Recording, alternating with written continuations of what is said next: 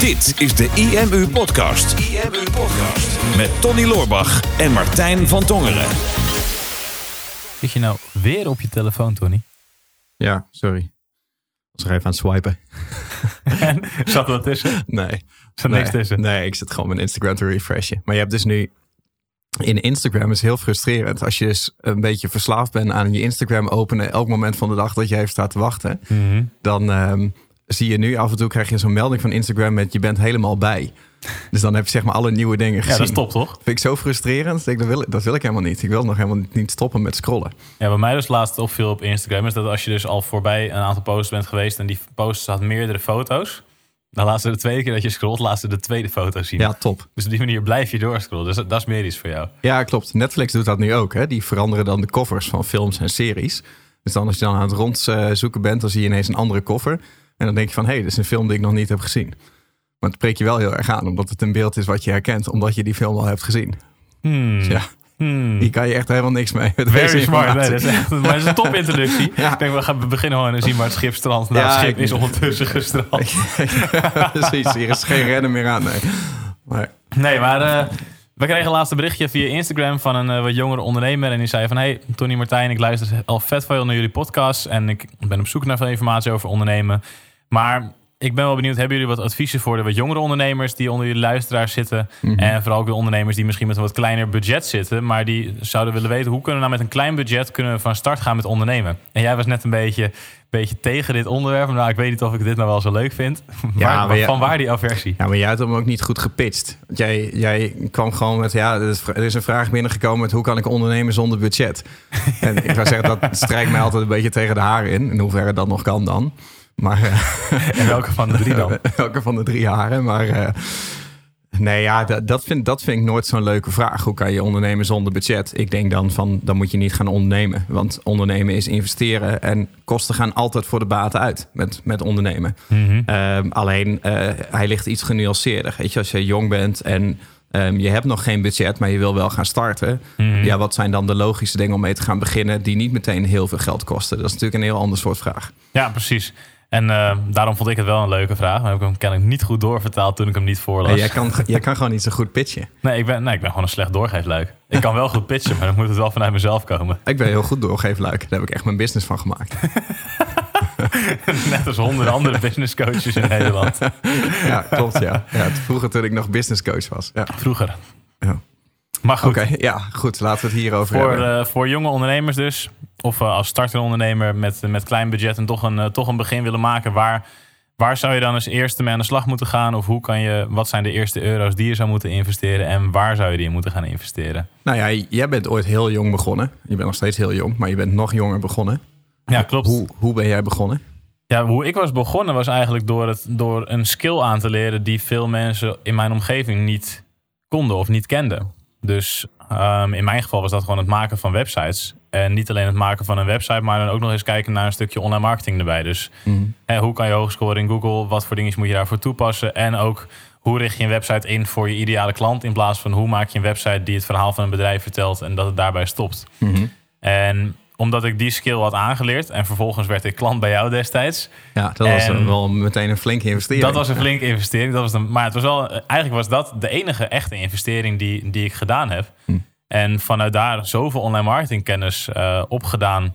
En vervolgens merkte ik toen, op het moment dat ik bij klantenseminars van jou kwam, dat ik andere mensen heel goed kon helpen met hun online marketingstrategie. Dus die skill die ik mezelf had aangeleerd, dat ging ik vervolgens inzetten om andere mensen mee te helpen. En ik was 20 en ik kreeg 32,50 euro per uur om mensen te helpen met hun online marketingstrategie en om mensen een website te bouwen. Ja, als je 20 bent, dan is dat een heel prettig budget Ja. om per uur, eh, per uur te krijgen. En ik denk vaak van ja, heel veel mensen die willen nu op jonge leeftijd al, oh, die zien heel, overal zien nu alles van dropshipping voorbij komen. En dan moet je voorraden inkopen. En dat is echt, lijkt voor mij echt de hel dat je alleen maar met dozen schuiven aan bezig bent eigenlijk. Ik wilde echt ja, een stukje waarde toevoegen voor mensen. En voor mij was het, nou, ik kan ze ergens mee helpen wat zij niet goed kunnen. In dit geval was het dus maken van websites. En daar kreeg ik dan mijn geld voor. En stel dat er nog iets anders is wat je zou willen doen, dan kan je natuurlijk het geld wat je verdient met de uren die je maakt op dit moment, kan je vervolgens gebruiken om te investeren in misschien wel een eigen marketingstrategie. Ja, maar het is eigenlijk als je nog geen geld te investeren hebt in het begin van je business of om wat voor reden dan ook, dan moet je gaan kijken wat je, wat je verder te investeren hebt. Je hebt Mhm. natuurlijk wel eh, uren te investeren. Ja, En met uren kan je bijvoorbeeld een heleboel dingen doen die jou ook resultaat opleveren. Hè? Dus stel bijvoorbeeld, ehm, je wil bezoekers naar je website krijgen, want je bent net begonnen en je hebt een product op je website staan. Maar zolang er geen bezoekers zijn, dan koopt niemand dat product. Dus dan moeten er bezoekers naartoe. Dan kan je die bezoekers gaan kopen. Ehm, via Facebook advertenties of via Google advertenties of wat dan ook. Maar als je daar geen geld voor hebt, dan zul je ze op een andere manier moeten gaan krijgen. Dan kan je ze ofwel eh, gaan krijgen door uren te investeren. Dus denk aan eh, content maken. Hè, zodat die content geïndexeerd wordt in Google of in social media verspreid. Zodat je daardoor dan mensen bereikt. Ehm, of je gaat investeren bijvoorbeeld met persoonlijke aandacht. ja. Ehm, en bij jou was dat dan eigenlijk best wel logisch dat jij gewoon daar naartoe ging, daar waar de klanten waren. Dus jij kon mensen helpen met websites. Dus ging je naar seminars waar ondernemers kwamen die moeite hadden met hun website. precies. Ja. En dan hoefde je ze daar alleen maar contact met ze te maken. Ja, want het was gewoon heel erg eenvoudig op een gegeven moment. Ik zei van, nou, ik ben al een aantal jaar ben ik bij de IMU. Eh, ik snap precies dit en dit. Nou, vertel eens waar je business over gaat. Vertel eens waar een business over gaat. Mhm. Legde ik uit wat ik op hun websites te doen. En dan zag je zich kijken van, holy shit, ik moet echt met deze gozer samenwerken. En dan, en dat, dan leidde jij eruit af uit die blik. Ja, dat leidde ik eruit af. Oké, ja. ja, oké. Nee, En dat zeiden ze meestal letterlijk. Holy Ja, shit. Dan, eh, dan is het minder arrogant, ja. nee, nee, ondertussen weet ik wel dat ze dat echt dachten. Ja, maar dan, dus, dus dat is misschien wel de, de makkelijkste eerste tip. Hè? Dus, dus als je net begint en je hebt nog geen budget, ga kijken naar ehm, hoe kan ik mijn business heel klein houden. Dus, dus je aanbod voor een heel specifieke doelgroep. Van nou, wat is nou eh, een doelgroep die het meest concreet is in je hoofd, die het meest geneigd is om te kopen en die ook daadwerkelijk budget hebben om jou te gaan betalen. Hè? Wie zijn Mhm. die mensen? Ja, Eh, en waar zijn die mensen nu? Zijn ze misschien al ergens? Dus zijn ze misschien ergens op een seminar? Eh, of zitten ze bij een vakvereniging? Of zitten ze in een, een Facebookgroep bijvoorbeeld? Of eh, kan je ergens een forum vinden? Of bestaat er een, een andere business al in jouw markt die die doelgroep al heeft? Want over het algemeen, mensen zijn altijd al wel ergens. Hè? En doelgroepen zijn ook altijd al wel ergens. En je hoeft niet altijd een hele eigen business te bouwen om een doelgroep te kunnen bereiken. Nee, klopt. En, en probeer je inderdaad verder te denken dan alleen maar het online stukje. Want online marketing is natuurlijk de heilige graal. En iedereen, alles moet online en zo min mogelijk uren maken. Maar juist in het begin zal je wel eerst je uren moeten maken. Zeker als je weinig budget hebt. Omdat dat eigenlijk je grootste asset is. Ja. Er zijn heel veel ondernemers die nu minder tijd willen investeren. Of minder tijd investeren. Maar jij hebt als jonge ondernemer met weinig budget juist je uren als asset. Van hey, investeer maar tientallen uren in zo'n klant. Zorg ervoor dat diegene fan van jou wordt. Want dat was ook mijn succesformule destijds. Ik was heel snel bereikbaar, nam altijd mijn telefoon op, reageerde binnen een paar minuten op de mailtjes van, van, van de paar klanten die ik had. En die vertelden over mij aan andere ondernemers in hun netwerk over hoe fantastisch ze het samenwerken met mij wel niet vonden. En daardoor zat ik in no time zat ik gewoon echt vol. Ja. Terwijl ik echt nul aandacht had gest, eh, gesto- gestoken, gestopt. Ja, kan allebei. Nul Ja. aandacht had gestopt in, eh, in acquisitie. Mijn Mhm. eigen website was nog niet eens af. Die bestond uit één pagina, maar nooit Mhm. aandacht in, in gestoken. Zo, zit Je zit helemaal het, vast. weekend, ja. het weekend zit er nog even in, volgens Ja, zeg, zal ik het zo overnemen van je? Zal jij het eh, overnemen? Het gaat helemaal nergens meer Ja, over. ik had eigen website nog niet eens af. Maar ondertussen wel al, al... Ik had meer dan tien klanten waar ik gewoon echt veel uren voor maakte. Omdat het, dat ging gewoon als een lopend vuurtje. Van, hey, als je een website hebt en je wil meer dan alleen een visitekaartje... Mhm. dan moet je bij Martijn zijn. Want die gaat je er persoonlijk mee helpen. En vanuit de IMU gebeurde dat destijds eh, Mhm. een stuk minder. Dat je echt gewoon iemand had die één op één je website ging, ging maken voor je. Mhm. Jij faciliteerde dat natuurlijk toen alleen met de software. Ja, ja klopt. Dus, dus hè, want, want dit is dan hele, heel specifiek jouw case. Maar hè, de les die je eigenlijk uit kan halen is van nou, hè, we verzinnen een concrete doelgroep. Ga daar naartoe waar de klanten al zijn. En dan is eigenlijk de eerstvolgende stap is voordat je eh, van alles en nog wat gaat doen in je business. ehm, raad ik je aan om eigenlijk zo snel mogelijk proof of concept te hebben. En proof of concept, hè, dus bewijs dat het werkt, is eigenlijk gewoon je, je eerste betalende klant. Ehm, want ik zie zoveel businesses en ondernemers die zeg maar bol staan van de potentie, maar die eigenlijk niet draaien omdat ze niet winstgevend zijn, hè, of omdat er geen geld verdiend wordt. En denk je, als je geen geld verdient, dan heb je niet een business, maar dan heb je een hobby. Ja, En op het moment dat jij bijvoorbeeld zegt van nou, hè, ik kan mensen met websites helpen. En je helpt een heleboel mensen met websites. En overal komt er mond-to-mond reclame op gang. Maar je rekent daar niemand echt voor. Of nog niet de prijzen die je uiteindelijk zou willen rekenen. Dan heb je nog niet echt een proof of concept. Dus je zult al wel die prijzen moeten gaan rekenen die je uiteindelijk moet doen. En ook als je dat bijvoorbeeld online doet. Stel je hebt een, een product liggen wat je wil gaan verkopen. Ja, voordat je echt eh, honderden uren en, en euro's gaat investeren in een hele grote website met heel veel content, of in een social media strategie en in allerlei video's en in e-mail marketing en in weggevers en weet ik veel wat allemaal, ga eerst gewoon kijken of het werkt. En dat kan je het beste doen door gewoon één pagina te maken, één verkooppagina met daarop je product. En vervolgens één advertentie aan te zetten, bijvoorbeeld in Google AdWords. En daar hoef je echt niet een groot budget voor te hebben. Ik bedoel, trek uh, 40, 50 euro uit of misschien 100 euro. Gooi dat in één Google AdWords campagne. En dan ga je gewoon adverteren op één hele specifieke zoekterm. Uh, waarvan je weet van nou, mensen die op deze zoekterm zoeken, um, die zullen waarschijnlijk echt naar mijn product op zoek zijn. Hè? Dus die hebben echt een, een koopintentie. En stuur die dan naar die ene pagina.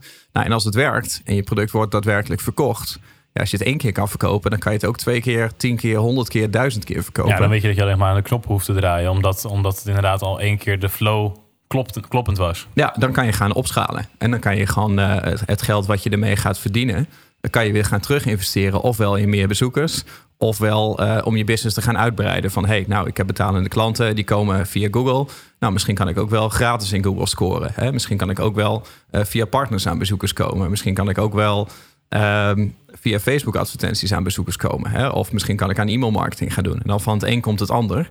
Maar voordat je al die online marketing aspecten in je business hebt, ben je meestal al een paar jaar verder. Ja, als je wil zorgen dat je sowieso gewoon één product hebt wat aangeschaft kan worden. Mm -hmm. En misschien dat je denkt, oké, okay, ik vind het tof hè, ondernemen, maar ik heb eigenlijk nog geen product. Zou misschien ook nog wel kunnen.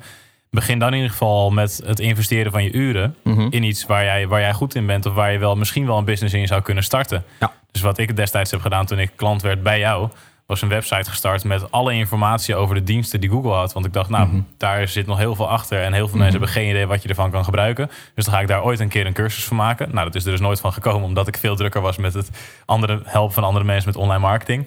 Maar ik had wel gewoon een website die ik alvast aan het vullen was met content. Dus iedere keer als, ik, een, als ik een paar uur over had, dan schreef ik een blogartikel. Ja. En een paar van die blogs deden het al supergoed in Google. Dus ik kreeg ook op een gegeven moment al organisch mensen die zich inschreven op mijn naam of op mijn e-mailadres op mijn e-maillijst met hun naam en e-mailadres. Zo, ik zit er echt lekker in vandaag. en ik had dus op een gegeven moment al een mailinglijst van een paar honderd mensen. Terwijl ik nog geen product had. Maar ik wist wel van ja, ik heb nu een paar honderd mensen die geïnteresseerd zijn in dit topic. Dus als ik nu een product heb, dan is de kans best wel aanwezig dat een aantal mensen dat meteen al willen aanschaffen. Ja, klopt. Nou, en, en dat is een belangrijke factor. Want ik kan me herinneren, het is nu uh, ik een ja, jaartje of anderhalf geleden of zo. Ik weet niet of jij dat nog weet, maar toen kwamen hier een paar jongens op kantoor die zochten een investeerder. Um, en die waren ook startend. Die hadden een concept met uh, elektrische fietsen. Oh ja, ja. En, uh, en ik krijg dat, dat soort aanvragen nou wel vaker. Sinds ik dat op mijn website heb gezet van ik ben investeerder. krijg ik mailtjes van mensen die vragen of ik wil investeren. Dan ben je investeerder. Mooi hoe dat werkt, dan ben je investeerder. maar nee, maar die wilden dan, uh, ze wilden mij dan als investeerder. Maar um, niet alleen vanwege de marketing expertise, ook maar ook een financiële investering. En um, best wel een hoge. En ik vond dat op zich wel een interessante case. Want zij hadden gewoon een trend in de markt gezien van hey, uh, mensen gaan steeds meer uh, elektrisch fietsen. En het wordt voor bedrijven steeds nuttiger om hun personeel een elektrische fiets van de zaak te geven in plaats van een auto. Nou, ze hadden al netjes hun marktonderzoek gedaan. Uh, en hoe zij het naar mij pitchte, liet echt zien um, hoe de meeste ondernemers starten door echt marktonderzoek te doen. Van nou, hè, er zijn trends, er is zo'n grote markt. Hè, dit is onze doelgroep, dus zo'n volume. Als we zoveel fietsen inkopen en we verkopen het voor zoveel, dan hebben we zoveel marge. Dus aan de cijfermatige kant er was geen spel tussen te krijgen. Dat, dat klopte helemaal perfect. Mm -hmm. En ze zochten echt een investering van meer dan een ton.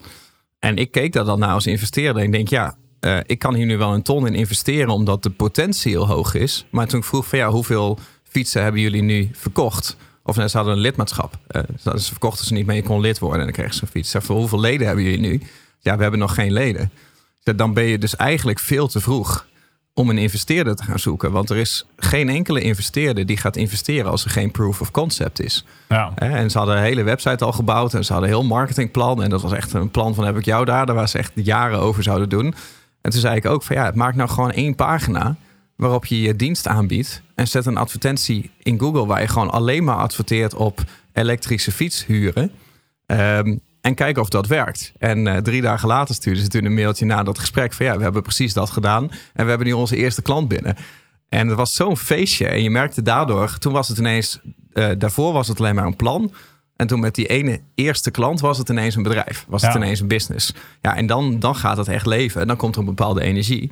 En dan kan je, als dat al een paar keer is gebeurd, ook aan een investeerder bijvoorbeeld laten zien Of aan een bank van hé, hey, we hebben vermogen nodig, want we hebben een succesvol bedrijf. En we hebben een rekensom, als je er een euro in gooit, dan komt er meer dan een euro weer uit. Ja, en dan kan je het niet alleen naar de andere mensen toe goed pitchen, maar ook naar jezelf toe natuurlijk. Want dan, dan kan je echt een plan maken om er een business van te maken en te groeien. Want ondernemerschap is natuurlijk een soort van hype geworden nu anno 2019. Hè? Als je niet weet wat je, wat je precies wil gaan doen of je wil je eigen leven creëren, dan moet je eigenlijk gaan ondernemen. Ja. En zeker de generatie denk die er nu aankomt, die wil allemaal ondernemer worden. Want niemand wil meer van 9 tot 5 in loondienst werken. Er zijn er steeds meer bedrijven zoals die van ons die dat ook gelukkig niet op die manier meer aanvliegen, maar veel meer kijken naar oké, wat is een persoonlijke kwaliteit en waar wordt diegene blij van en hoe kunnen we dat integreren in ons bedrijf. Maar nog steeds zijn er heel veel mensen die graag willen ondernemen.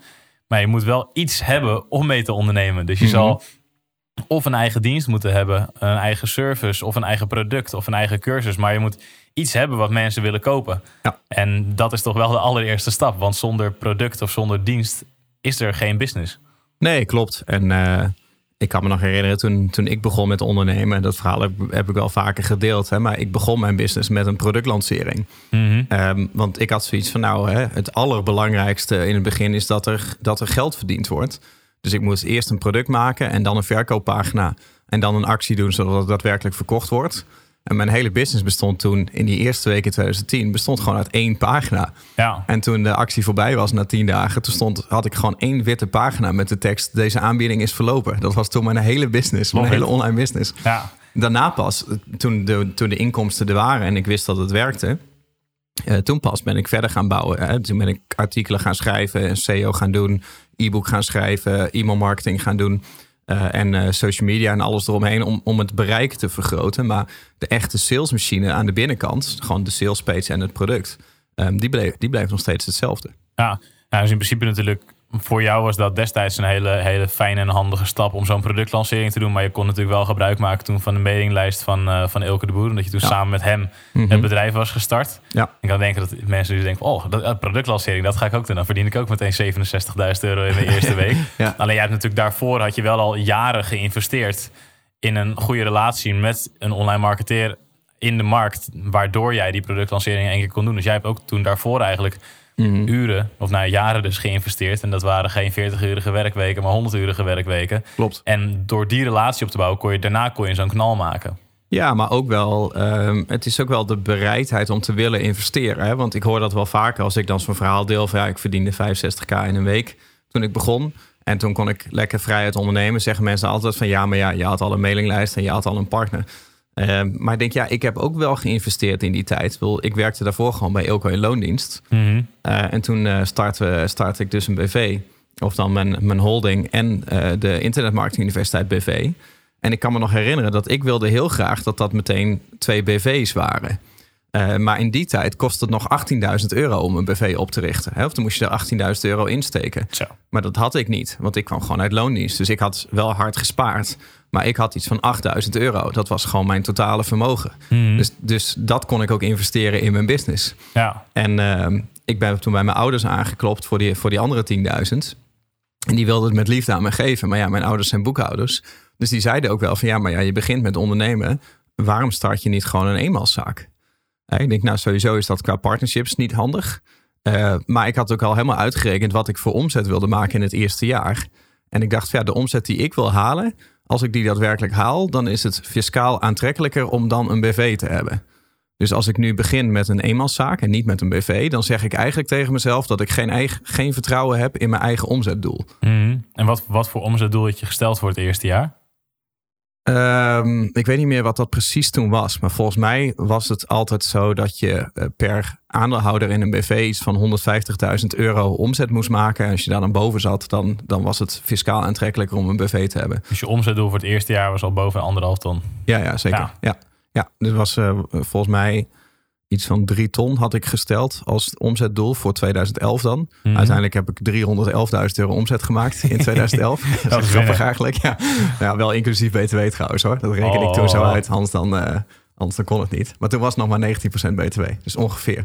Maar ik, ik weet wel dat, dat ik daar toen met mijn ouders over had. Die hadden echt zoiets, ja, maar met een eenmanszaakje, er hoeft geen geld in en loop je geen risico. En dan hou je over je eerste inkomsten hou je veel meer over. Dus het was zoveel veiliger om dat eenmanszaakje te doen. Mhm. Maar ik dacht, ja, maar dan dan ga ik dus nu iets veiligs doen. Terwijl ik eigenlijk weet dat ik dan over een jaar dan de verkeerde keuze heb gemaakt.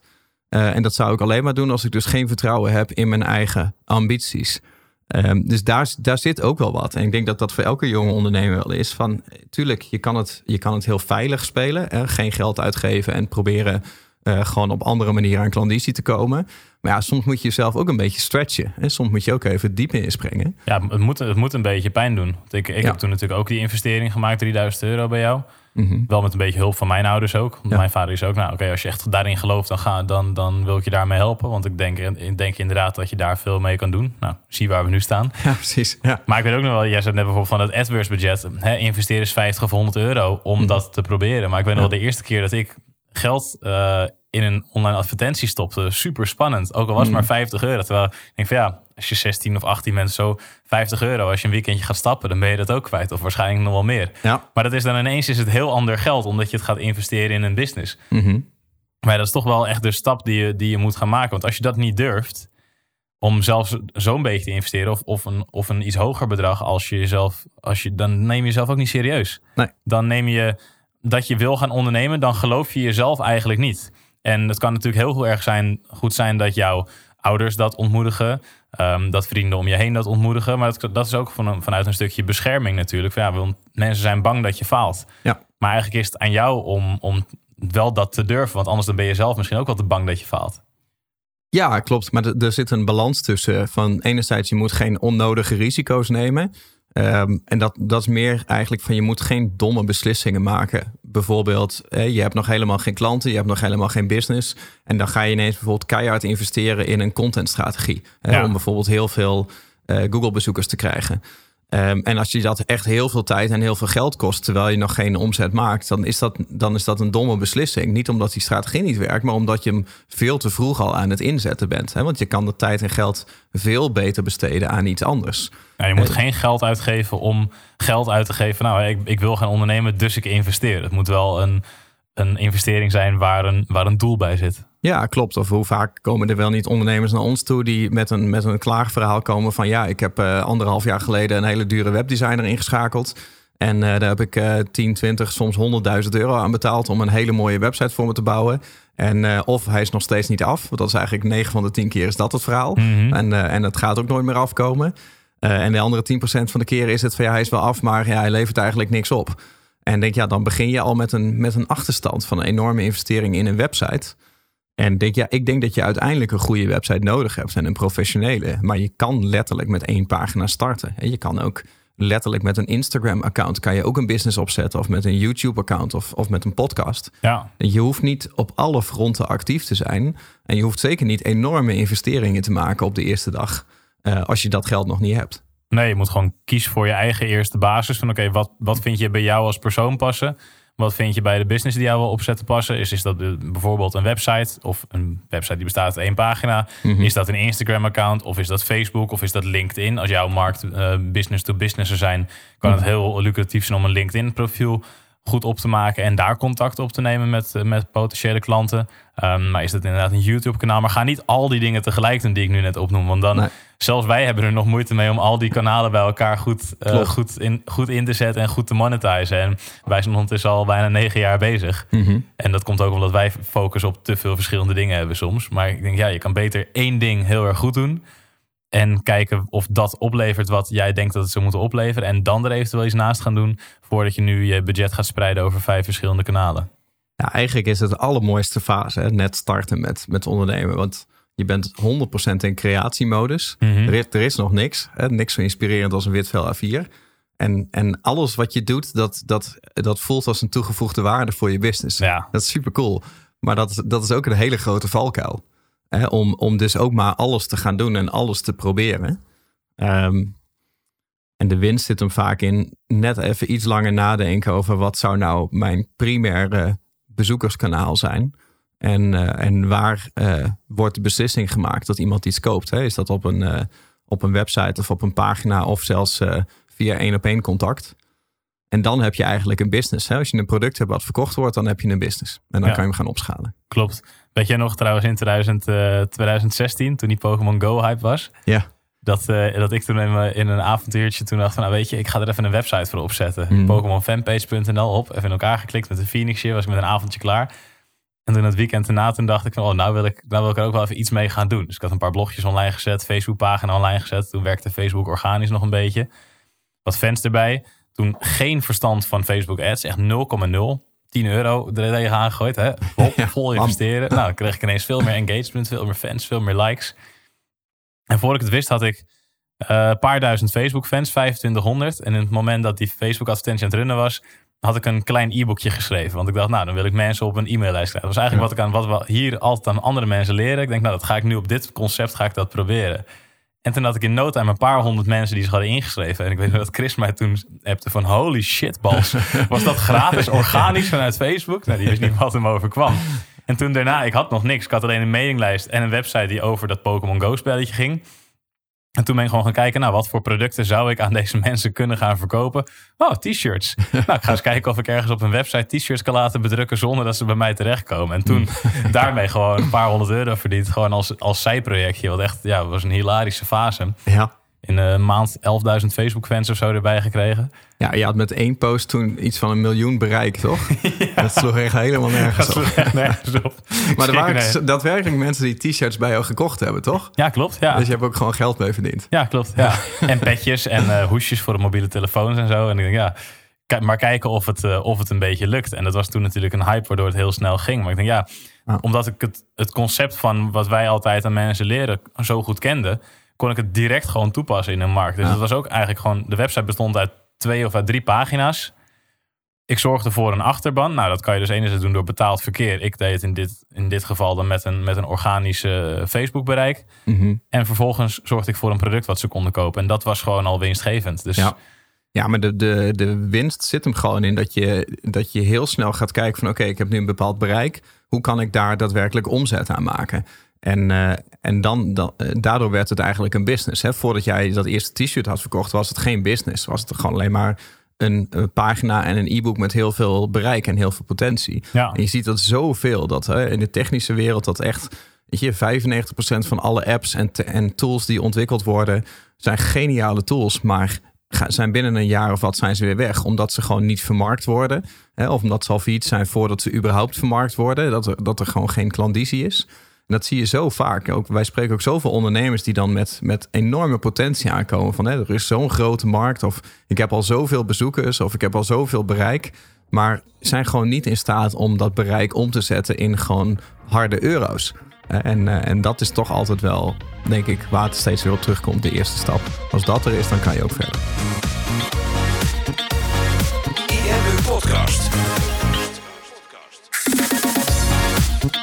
Super tof dat je hebt geluisterd naar de IMU podcast. Ik hoop dat je dit waardevol vond en dat je er inzichten uit hebt kunnen halen voor jezelf en voor je eigen business. Vond je dit nou een waardevolle podcast, dan zouden Tony en ik het heel erg waarderen als je dat zou willen delen. Enerzijds door dat bijvoorbeeld te delen via je eigen Instagram of via LinkedIn. Door een screenshot te maken van je telefoonscherm en ons daar even in te taggen. Maar wat we nog meer zouden waarderen is als je de tijd en moeite zou willen nemen om een review achter te laten. Werk je met een Apple-telefoon, dan kan je dat doen binnen je eigen podcast-app door daar een review te geven. Geef ons een x-aantal sterren met daarbij een korte motivatie wat je van onze podcast vindt. Zouden we echt enorm waarderen als je die tijd zou willen nemen. En werk je met een Android-telefoon, dan zie je dat, daar, eh, dat de meeste apps geen review-mogelijkheid hebben. Wat we dan heel erg zouden waarderen is als je op Google IMU zou willen intypen en vervolgens via de Google Review-sectie iets zou willen vertellen over de IMU, wat je van ons vindt en wat je aan onze podcast hebt gehad. Alvast heel erg bedankt en ik hoop natuurlijk dat we je volgende week weer mogen verblijden met een volgende aflevering van de IMU Podcast.